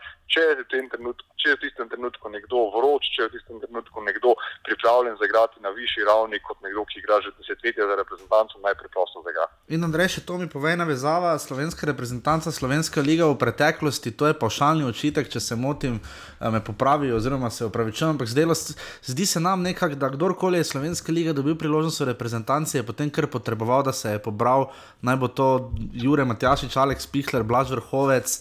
Ali tudi, verjetno, kdo iz Olimpije in še odkot. Uh, kaj gledaš ti na ta del, uh, na to samo povezavo, ne na zadnje, ne na te neke, razumem, da ne obstaja enačba, pri katerem bi bil, bil en kamari, morali domžale več vreden od recimo serije B ali sekunde v Španiji. Ne?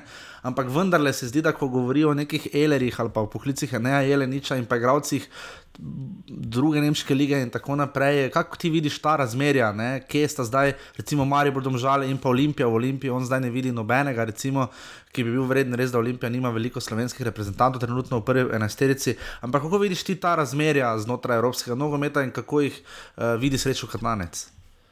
Pač jaz mislim, da eno dobro besedo, pomembno besedo zdaj v tem vprašanju uporabil in to je pač enačba, ki je res ni. Torej, govoriti, govoriti o tem, da so tu zadeve preproste, kaj pomeni slovenska liga, je zelo težko.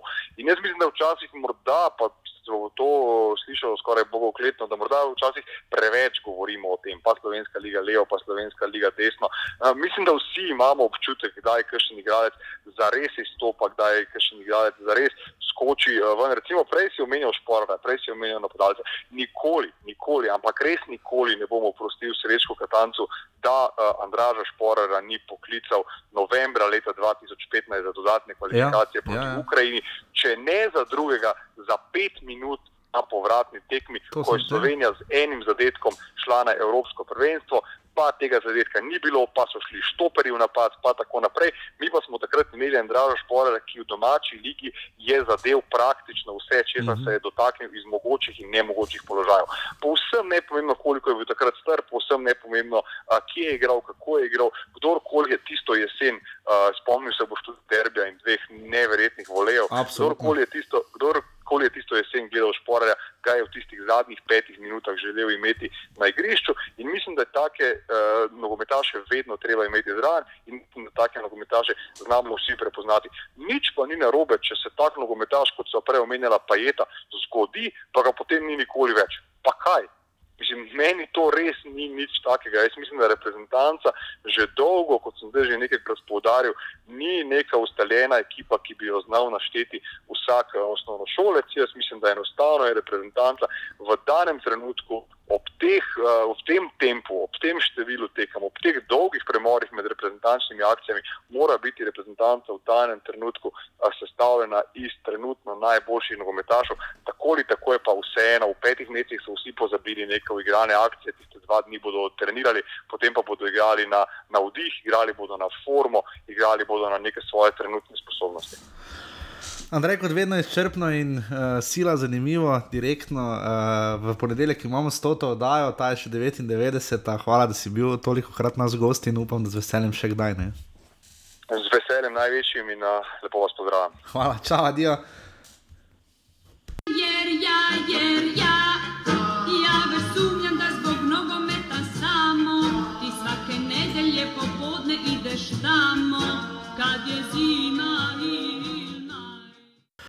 Tako to je bil torej reprezentančni nogomet, a, kjer se dogaja vse živo. Zanič me je mama vprašala, kak pa kaj Nemci, ne? če, kak pa kaj, če njim gre. Ne? Sem rekel, sem rekel, mama, Nemcem, uh, vse za Nemce ne gre, če jim gre. Ne? Oni samo vprašajo, kje je tekma, so tam in svoje naredijo. Kako 6-0 so no, norveško si Niso pa še dalje, ne? ker imajo Čehe v skupini. Ne, pa, Belgijci so edini Evropejci Belgijci so edini, Belgijci imajo, verjeli ali ne, dame in gospodje, plus 33 gol. Razliko, ne. To ni v slovenski ligi. res To ni v slovenski ligi. eh, Staroni so Bosno premagali 4-0, Estonijo 5-0, pa tako, to je brutalni rezultat. 33. brutalno rezultanco tudi. Belgija se je edina uvrstila, uvrsti, uvrščene so Belgija, uh, Brazilija, Rusija. Rusija, uh, dobro, kot, mislim, da Iran. Mehika. Mehika, pa Japonska, uh, pa tudi Nigerija, mislim, da se je uvrstila včeraj, že mislim, da ravno danes po noči, oziroma Kamerun, vem, da je danes se mislim, da Španija tudi celo. Španija bi se danes lahko, uh, ampak se pravim, uh, se Pa kar Slovenija. Novembra. dodatne kvalifikacije. a? Ja. Žiga, nehaj. Mar nam je za slovenski nogomet. Vse smo včeraj vse pravim, da bomo vrstili. Gremo zdaj na drugo ligo. Uh, v drugi ligi, eh, to je, bomo posneli, pa bomo to naredili za, kot jingle, kot pasažo vmes. Uh, v drugi ligi je bil derbi tako konec tedna, kot smo rekli na začetku, tako da o njem še kaj govoriti. Bo več povedal Ante Šimun, že kasneje 2200 gledalcev je videlo Remi, uh, Bobičanec je zapravil 11 metrov, ko nafta je končala z devetimi. Uh, igralci Mure se niso mogli veseliti po tekmi, ker so jim redari to onemogočili, so jih malo po igrišču bejlovili, če, če pretiravam z besedo, se opravičujem. Uh, Ilirija nadaljuje dober pohod, uh, malo so se dvignili končno Ja. uh, in premagali gladko zadnji fužinar, ki je že kar jasno prikovan dno. So tudi na začetku sezone povedali, da uh, se ne vidijo pretirano visoko. No. Ja, njih je ta vrstitev v drugo ligo kar Presenetilo, presenetila. no. No. oziroma povabilo v drugo ligo. Uh, rogaška zarica, nič proti dve, zarica se tudi dviguje, rogaška še vedno tone, čeprav uh, so vmes imeli dva dobra rezultata, zmago in remi. Uh, Ja, ampak samo so doma izgubili, ne gre jim te domače tekme, jih malo jezijo.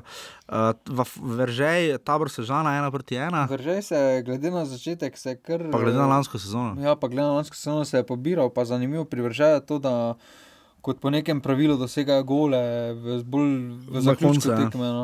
Uh, terme čateš Krka, oziroma Brežice Krka, torej uh, dolenski derbi, uh, Brežice končno uh, prišle do resnejšega rezultata in so Krka se pa kar spet. org dvignile, uh, Krka pa tone in tone. Menjava generacij se očitno še ne prijema, kot so si očitno želeli, dali so zadetek v 91 minuti in so tri točke, imajo eno zmago in štiri poraze. Uh, trenutno je Fužinar še edini brez zmage, uh, Mura pa Jadran Dekani, pa, je- pa Čeri Box Tabor pa edini brez poraza. Uh, tu je potem Brda, bravo. Presenečenje. No. Uh, veliko presenečenje. Glede na dober, re, res dober začetek v ligi, bravo ta in slabo. Bravo ima najboljši Twitter profil, Bravo ima profil pa jeseni. najboljšo stari. nogometno šolo. Naj, na, ja, dobro, ja, so, so dobro igrali. Pa navijači, dejansko res navijači so šli v uh, Goriška Brda, tam je res lep stadionček, če ste kdaj bili, res se, se splača okoli peljati v Brdih. fajn kapljice. Ru- Rujnega, sam ne spunco id, toplo svetujem. Nekaj si zdaj naredil s temi kulinaričnimi inserti. Brda več ne pokrivamo. Eh, Kalce, radom ne drava, tuj derbi kroga, uh, glede na lansko sezono. Ne, uh, Um, oziroma, glede tudi na začetek sezone. Drava je kar no, presenetljivo, glede na res dober začetek. Vezjak je prestopil iz uh, Aluminija v Dravo, ne vidimo, dosti prestopil iz prve v drugo ligo, ponavadi bolj obratno. Razno v Nemčiji. Uh, Cerar Hajrič je zadev dva, Hajrič, ima štiri gole, ne? A šest. Pet, šest, potem je mislim, da bo Bačinec, drugi sred za Šest zadetkov na petih tekmah, uh, to je spoštovanja vredno. To je res velik dosežek, radome se dvigujejo. Uh, na to radom, polovico golov od radom je dal on. Ja. Uh, in so se fejs dvignili, glede na res slab začetek. Ja. Uh, zdaj mislim, da imajo tri, imajo, mislim, da imajo tri zmage zapored, nisem pa siguren. Ja, mislim, tu so, da, tu, tu so, pa uh, oni so tudi ekipa, ki ne bodo zavrnili povabila. No. ne, uh, in pa potem, uh, sploh zdaj neko je z- nova trava v domžalah. Uh, Jadran dekani, roltek, dob, prav tako 3 proti 2, neke sorte derbi kroga, uh, dob. Se, kam si ga teda, a tu spodaj, uh, Dop je seveda lani bil zelo konkurenčen v drugi ligi, letos vidimo, da ni tako. Jadrane dekani so pa eno najlepših presenečenj, o njih bo malo, kmalo zatem govoril tudi Ante Šimunča, kot primer kluba, ki ima zelo visoke ambicije in ki se je dobro spravil zraven in zelo pritiska. Ne. Ima 11 točk na drugem mestu, Mura prva ima 13. Ja, kot, pa zelo dobro obrambo ima, to je osnova. Ja. Prejeli so drugi najmanj zadetkov Ja. v ligi, tako da gradijo zadaj. Ja, uh, in so tudi, seveda, uh, osmino finalisti, če je to sploh beseda, uh, pokala. ne? Ja. Samo da Jaša to na hitro najde. V pokalu Slovenije je danes prva tekma. Čez-. Čez eno uro, od, od, od takrat, ko mi še to snemava, vi boste ravno takrat nekje dobili novi, po, porcijo novega offsajda. Se bo Marijo boril na stadionu Rajka Štolfe, ne? v Sežani, s kom bomo videli. Tam je tudi fajn za jesti. Ja, jaz sem hodil danes tja iti, pa nekdo ni mogel do povdne. Vse v špetek me fuzbal. A ja, petek je futbol, točno. Krka Krško je potem jutri, uh, tu mislim, da je favorit jasen, uh, krčani z naskokom, ne? Čeprav to je derbi. derbi. Uh, Koper, krščani, ja. in jutri je še Koper Triglav. Uh, to, Koper 3 nič premagal, koro tam v prvem krogu bomo videli, ali bo tokrat, tokrat igrali na Bonifiki ali na pomožni Bonifiki. Uh, Triglav je vseeno moja izkušnja. Moje izkušnje, ampak to bo jutri, res ob šestih je ta tekma, uh, bo zelo zanimivo videti rezultatno. Uh, do pokala. Da pa rumena družina igra. uh, rumena družina uh, pa igra v, potem čez dva, čez tri tedne, A, pa so, tednu, ker so ambiciozni, so si zaradi 19. 19. in 20. žiga. ne na resno, več je mali. Ne, se resno. No. 19. in 20. so preostale pokalne tekme, eden od derbijo je Drava celje. Uh, glede na formo celjano, to je 19. septembra, bo vas bomo takrat še opomnili. Jadran, menjali. Jadran dekani aluminij, prav tako, uh, mora iti aluminij na morje, to bo zelo na, pričakujem. Če, lon, če jim lani ni uspelo dodatne kvalifikacije, ja. Minijo ne more, grete vsaj letos ne more. Ko daš ti tako noge gor na mizo, se začne tvoje podjevavanje. Kalce radom le Olimpija, uh, računamo na Hajriča. Mura domžale. Joj. Mura domžale je seveda absolutno derbi. Uh, absolutno. Res derbi. to bo težko. To bo res derbi, to bi jaz celo šel 20. septembra, to je mislim sreda ob 3. Greva? Ob treh, Treh, ja. 20 septembra. Ja. Pa ja, gremo. Ima. In pa seveda šampion Gorica, to je mislim, Gorica, velik favorit Gorica, ki se je malo izmika pokal v zadnjih letih, že eh, zdaj dve leti zapored, mislim, da eh, niso prišli. Polfinale niso prišli zigane. Uh, Samo vedno na Maribor skoraj da naletijo v Ja. potem četrtfinalu. Pred tremi leti so pa izpadli proti Muri, tako na začetku, v osmini finala. Uh, in to je to. Uh, zdaj se bo izpovedal, še pa seveda in razbrcal in razgovoril Ante Šimunča, ujeli smo ga včeraj na poti, uh, morda malo vmes šumi, ampak mislim, da se ga v redu sliši. Tako da uh, uživajte v pogovoru z trenerjem Mure, uh, razbrcal se bo Ante Šimunča.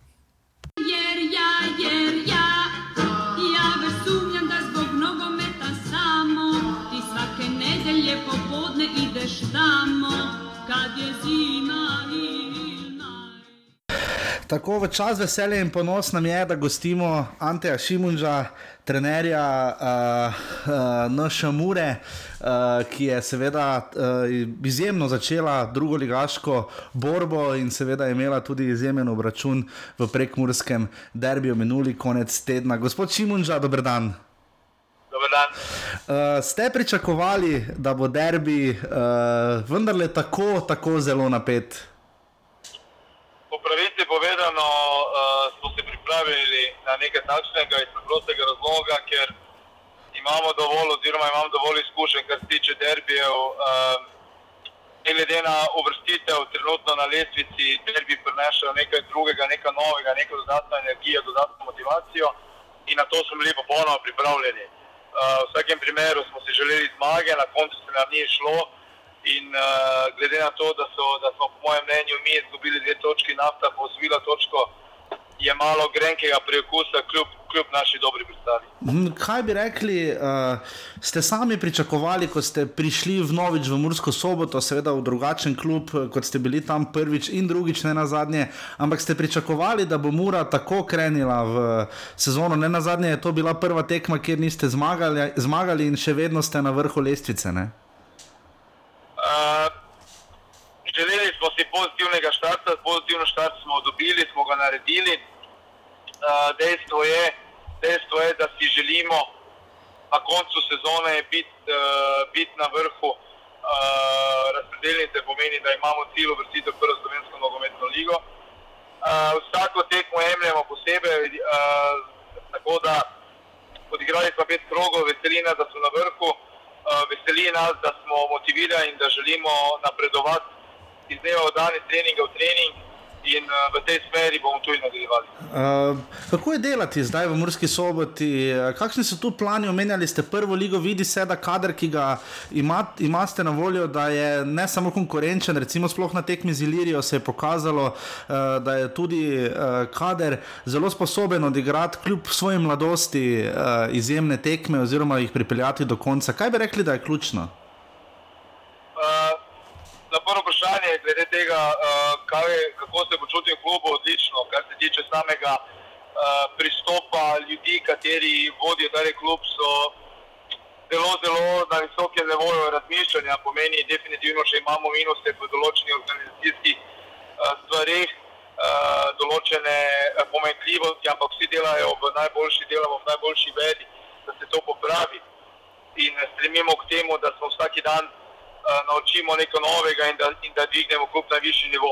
Kar se tiče same igralske zasedbe, uh, me zelo veseli, da je ambiciozna, da so fanti, kateri želijo napredovati, da so fanti, kateri so bili na najvišjem nivoju, to je Žiga Kaustino Kote, ki je zažegal v prvi slovenski ligi, da uh, so se vrnila v Muro, oziroma da so vsi fantje, kateri so v kadru zelo, zelo ambiciozni in smo ustvarili eno homogeno ekipo, v kateri je užitek delati. Vidi se pri Luki. Oziroma, katero- je užitek delati. Mhm, Pri Luki Bubačincu se, vid, se je videlo včeraj pri doseženem zadetku, da zelo diha s klubom. Kako so tu ne na zadnje tudi tisti, ki so prišli recimo tudi iz uh, Mariborske B ekipe oziroma iz Ljudskega vrta? Da pravim, uh, ena zadeva, ki sem že prej omenil, je ta, da so vsi, kateri so uh, v kadru prve ekipe, zelo, zelo motivirani, zelo, zelo ambiciozni in ne glede na preteklost, ki jo imajo, želijo napredovati. To je zelo, zelo pomembno. Želijo uh, pomagati klubu, oziroma pomagati obenem samemu sebi in se pokazati na najvišjem možnem nivoju. Uh, vsak, kateri je v kadru prvih 11, vsak, kateri je na klopi, vsak, kateri je izven kadra, uh, je tisti, kateri razmišlja, kako biti čim boljši. In to je ena pot, katera nas vodi naprej. Mhm. Kaj bi rekli o sami konkurenci v drugi ligi? Zdaj Mura je prišla seveda iz tretje lige, ironično je, da je bila nafta tista, ki je bila prvak Mura, je izjemno začela prvenstvo. Eh, Kaj vi ugotavljate neposredno ob robu igrišča o kvaliteti druge lige in o tem, kakšna borba bo za uh, prvi dve mesti? Ne?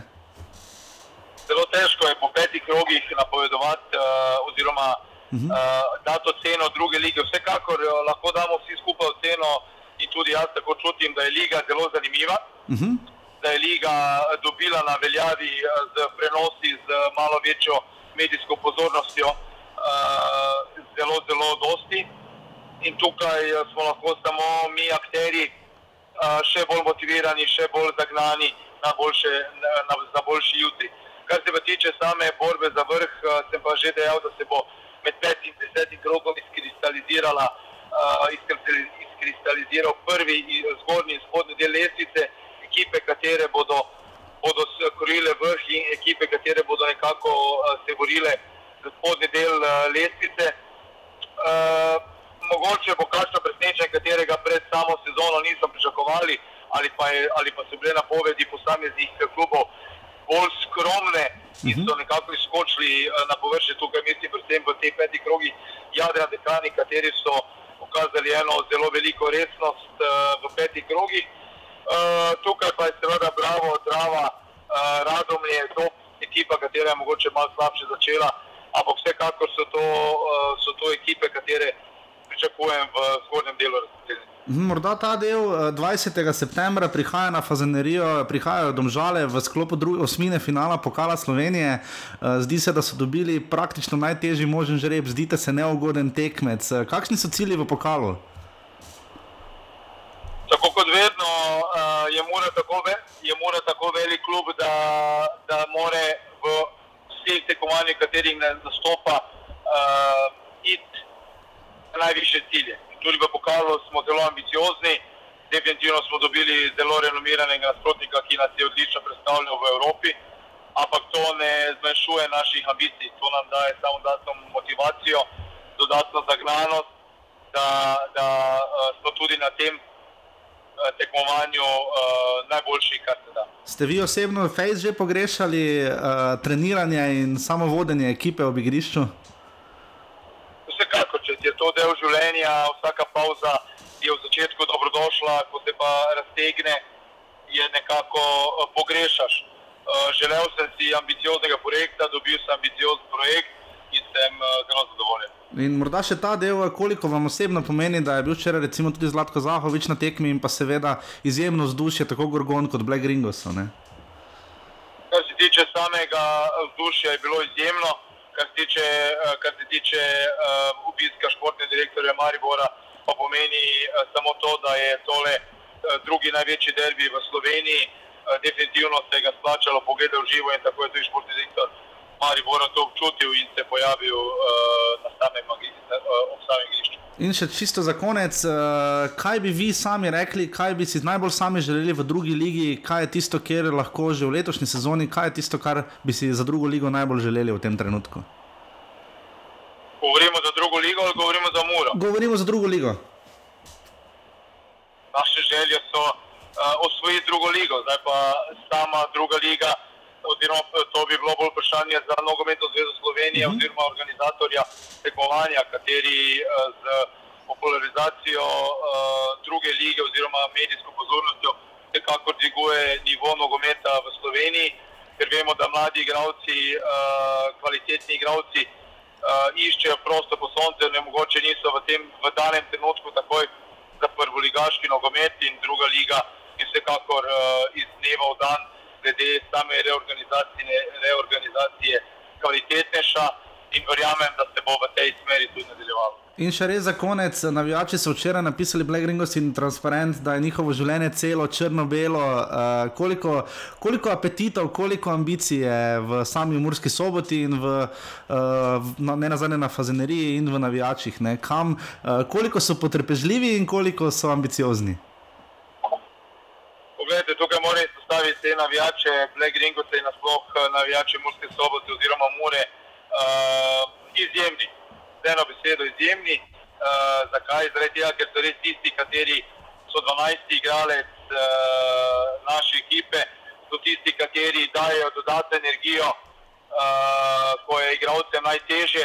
To smo tudi včeraj videli, ne glede na naš na našo odlično tekmo in uh, na tekmo polno preobrato, so nas ostali, ostali eh, skozi celo tekmo spodbujali in na koncu koncev, kljub temu, da smo izgubili dve točki uh, po nesrečnem uh, razpletu dogodkov, so nam, so nam zaploskali in nam dali še dodatno energijo in motiv uh, za prihodnje tekme. Gospod Šimunča, najlepša hvala, da ste bili naš gost. Čim več športnih uspehov v Murski soboti še naprej. Hvala lepa in lep dan. Nasvidenje. Tako, to je bil Ante Šimunža, probamo nekako na dva tedna se držati ritma druge lige. Upam, da bomo naslednjič spet koga eh, poklicali čez dva tedna. Zdaj moramo imeti skoraj brdo, ko smo jih tako pohvalili. Ja, no. za naslednji teden, je, uh, naslednji teden uh, bomo probali, koliko toliko še malo manj resno kot danes, ampak bomo skušali izpeljati program po rednem postopku, ampak seveda z vso trojico komentatorjev, uh, Pred Ligo prvakov. Pred Ligo prvako tudi, ja, jo. jo, ja, res naporno bo. Naslednji teden v ponedeljek pričakujte stoti offside, prič, uh, kar nekaj presenečenj, upam, da bomo skozi spravili, uh, ampak upam v vsakem primeru, da boste navdušeni. Od takrat pa, uh, tako nesedno se prva liga nadaljuje, ne Ja. pozabite. V tekme petek so-. V petek je Maribor, Celje. uh, Maribor celje, ob 2020 je pa še ena tekma pred tem, rodar Alumini. Ja. Uh, Marjano Pušniku že kar malo pod nogami gori. Uh, Ankaran, potem pa v soboto Ankaran Gorica ob 16. uri, uh, ob, ob 18. uri Domžale Trigo. Uh, in pa potem v nedeljo večno zanimivo gostovanje Olimpije na, na stadionu Matija Gupca. Ne, v, Na v Krškem. so dokaj enostavne tekme. No. Dokaj enostavno, čeprav Krško uh, se Razen- proti Mariboru res dobro opiralo in uh, bi moralo, to je derbi kroga, nekako Krško Ja, Olimpija. glede sploh na v- pozicijo je to Pa težko. glede na preteklost in vse ostalo, upam, da bomo naslednji teden eh, imeli koga iz celja za gosta. Kot rečeno, nekaj prestopov je še bilo, uh, Marko Alvir se je vrnil v Domžale in pa seveda Agim Vrimi. Uh, To smo najbolj- že malo malo povedano, no, to, da je pač s tem so Domžale res nakazale. Uh, Je pa Ivan Firer, da boste slovenski nogometni Ja, eno šel v Ozer, v drugo francosko ligo. Um, zdaj smo kar nekaj francozov imeli, ne? zdaj bi jih imeli štiri, če bi še ostal, samo ne vse v prvi ligi, če bi še ostal Berič. Ne? Ja, To bi bil rekord, verjetno. Ne? najverjetno. Ja, uh, tako da uh, to je to. Ta teden malo se še spočite, sicer danes so še tekme uh, preostale. Uh, so kaj naši sodli, veš kaj? Mislim, da niso kaj nič. kaj. Uh, tako da to je to. Uh, hvala GT22. Uh, res, dame in gospodje, imamo nove sedeže. Bolano, dobro. Bola... Žigo, morate videti, kako se. Žiga je tako vesel. Uh, žiga je res vesel, da imamo nove stole. Hvala Mihi Sondi ekipi, da so to poskrbeli, da imamo vedno prost termin, uh, ki ga bomo zapolnjevali v prihodnjem uh, mesecu, bolano, dosti. Ne. Uh, Maribor čaka, mislim, na sedem tekem, uh, ali osem celo v septembru. Ne postavi tudi na drugo, pa na, pa na drugo prvo ligaške klube, no, Pjaša. Ne bomo pozabili, samo pač pravim, ker bomo delali evropske oddaje za Maribor Ligo. Ja, ja, to pa tako vsekakor. da Naslednji teden sledi Spartak, Sevilla, to vse gremo s čarterom. Privat avion. Uh, tako da res uh, hvala vsem, ki nas poslušate. Uh, jaz sem že danes ganjen, v ponedeljek bomo jokali. Uh, nas čaka stota oddaja, res izjemen dosežek. No, vsaj sam sem zelo vesel, ponosen, včasih veselje. In uh, hvala tebi, Žiga, ne, da si nas v, zadnjem trenutku rešil. Ne. Po tebi. to Hvala uh, posluš, uh, gledal, poslušalcem. Poslušalcem, seveda se strinjam. Saj Tudi, tudi, ti si bil poslušalec. Tudi jaz sem bil poslušalec. Zdaj nisi več. Sem, sem. Uh, tako da uh, nič, kaj reči, razen, uh, seveda, še enkrat res hvala GTO 22, uh, Renejo Puharju, Knemlu Florentiču, uh, Boki v Batini, uh, Igorju Vnuku, ki je takrat sploh to omogočil, več o tem boste slišali v ponedeljek. Uh, vem, da ste nekateri, ki nas res vsak teden poslušate od prve do zadnje sekunde, vem, vsakemu osebno hvala, se bomo probali še osebno zahvaliti naslednji teden. Uh, in dolžni smo vam samo- seveda samo še eno stvar, tam in gospodje verjeli ali ne, Slovenija gladko vodi po. To. 20 offside ima Slovenija v svoji skupini, F, 18 jih ima Slovaška, 17 jih ima Litva, 13 jih ima Škoti, zgolj 7 jih ima Anglija in pa pri treh offsidih je ostala Malta. to kljub temu, da so Slovaki na, naštepali šest offsajdov proti nam. Ja, šest, vem. Uh, upam, da sem pravi podatke vzel, ampak mislim, da. Uh, tako da to je to. Uf. Ponosen sem. Kako bo še reči ponedeljek? Ponedeljek bom res zelo ponosen. Uh, to, tudi to, da se Andrej Mirkovič oglasi, vedno zelo vesel, da se Anti Šimunča, hvala nogometnemu klubu Mura, sem prej pozabil reči, so se res trudili cel vikend, da smo se ujeli. Uh, in nasploh vsem, uh, ko pomislim, koliko je gostov šlo skozi oddajo, od prvega Janeza Brunice do uh, trenutno zadnjega Anteja Šimunča. Uh, je res velik preskok in tudi to, da smo, uh, da smo šli na tekmo kot offside, uh, da bo tudi žiga upa naslednjič šel proti Škotom. Uh, ne, nedeljo 8. oktobra je tista tekma, uh, prosim, brez gestikulacij. Uh, in uh, da bomo delali to še naprej, no največ pa nam seveda pomeni vaš odziv, vaša podpora uh, in seveda vaš, predvsem vaš čas, ki ga namenjate za oddajo offset in predvsem za ta naš futbol slovenski, ki ga imamo na koncu dneva vseeno radi, ne glede na to, da se včasih ne strinjamo glede njega, ampak uh, boljše imeti kritičen odnos, kot sploh ne imeti odnosa. Ne? Dobro si to povedal. Hvala, žiga. Če se znajdete v offsetu. Zdaj sem obrnil malo že na klubsko sceno, si, Arm, si Amir Derviševič na seznamu za Ligo. Ja, prvakov. dame in gospodje, Amir Derviševič je na seznamu, danes sem ga videl v mestu. Uh, Amir Derviševič je na seznamu, uh, enka mari prvo za Ligo prvakov, ali šmertel pa ni. Ja, tako da, ja, če ste se ne v offsetu, pozdravite Amira Derviševiča. Mislim, da imate kar nekaj priložnosti, če ste v Mariboru na kavi srednje. Ja, v Nani, ker, ker obiščite Nano. Smeš delati take reklame, zdaj moraš seba narediti. ne, ne, saj smo zadnjič lahko tam tekmo gledali, je bilo super. Tako da hvala vsem, hvala GTO22, uh, hvala tebi, Žiga, hvala Ante Šimuži in Andreju Milkoviču, da ste bila tokrat na gosta in se potem slišimo končno spet prihodnji ponedeljek v Dame in gospodje stotem offside. Hvala, čau. Hvala, Dio.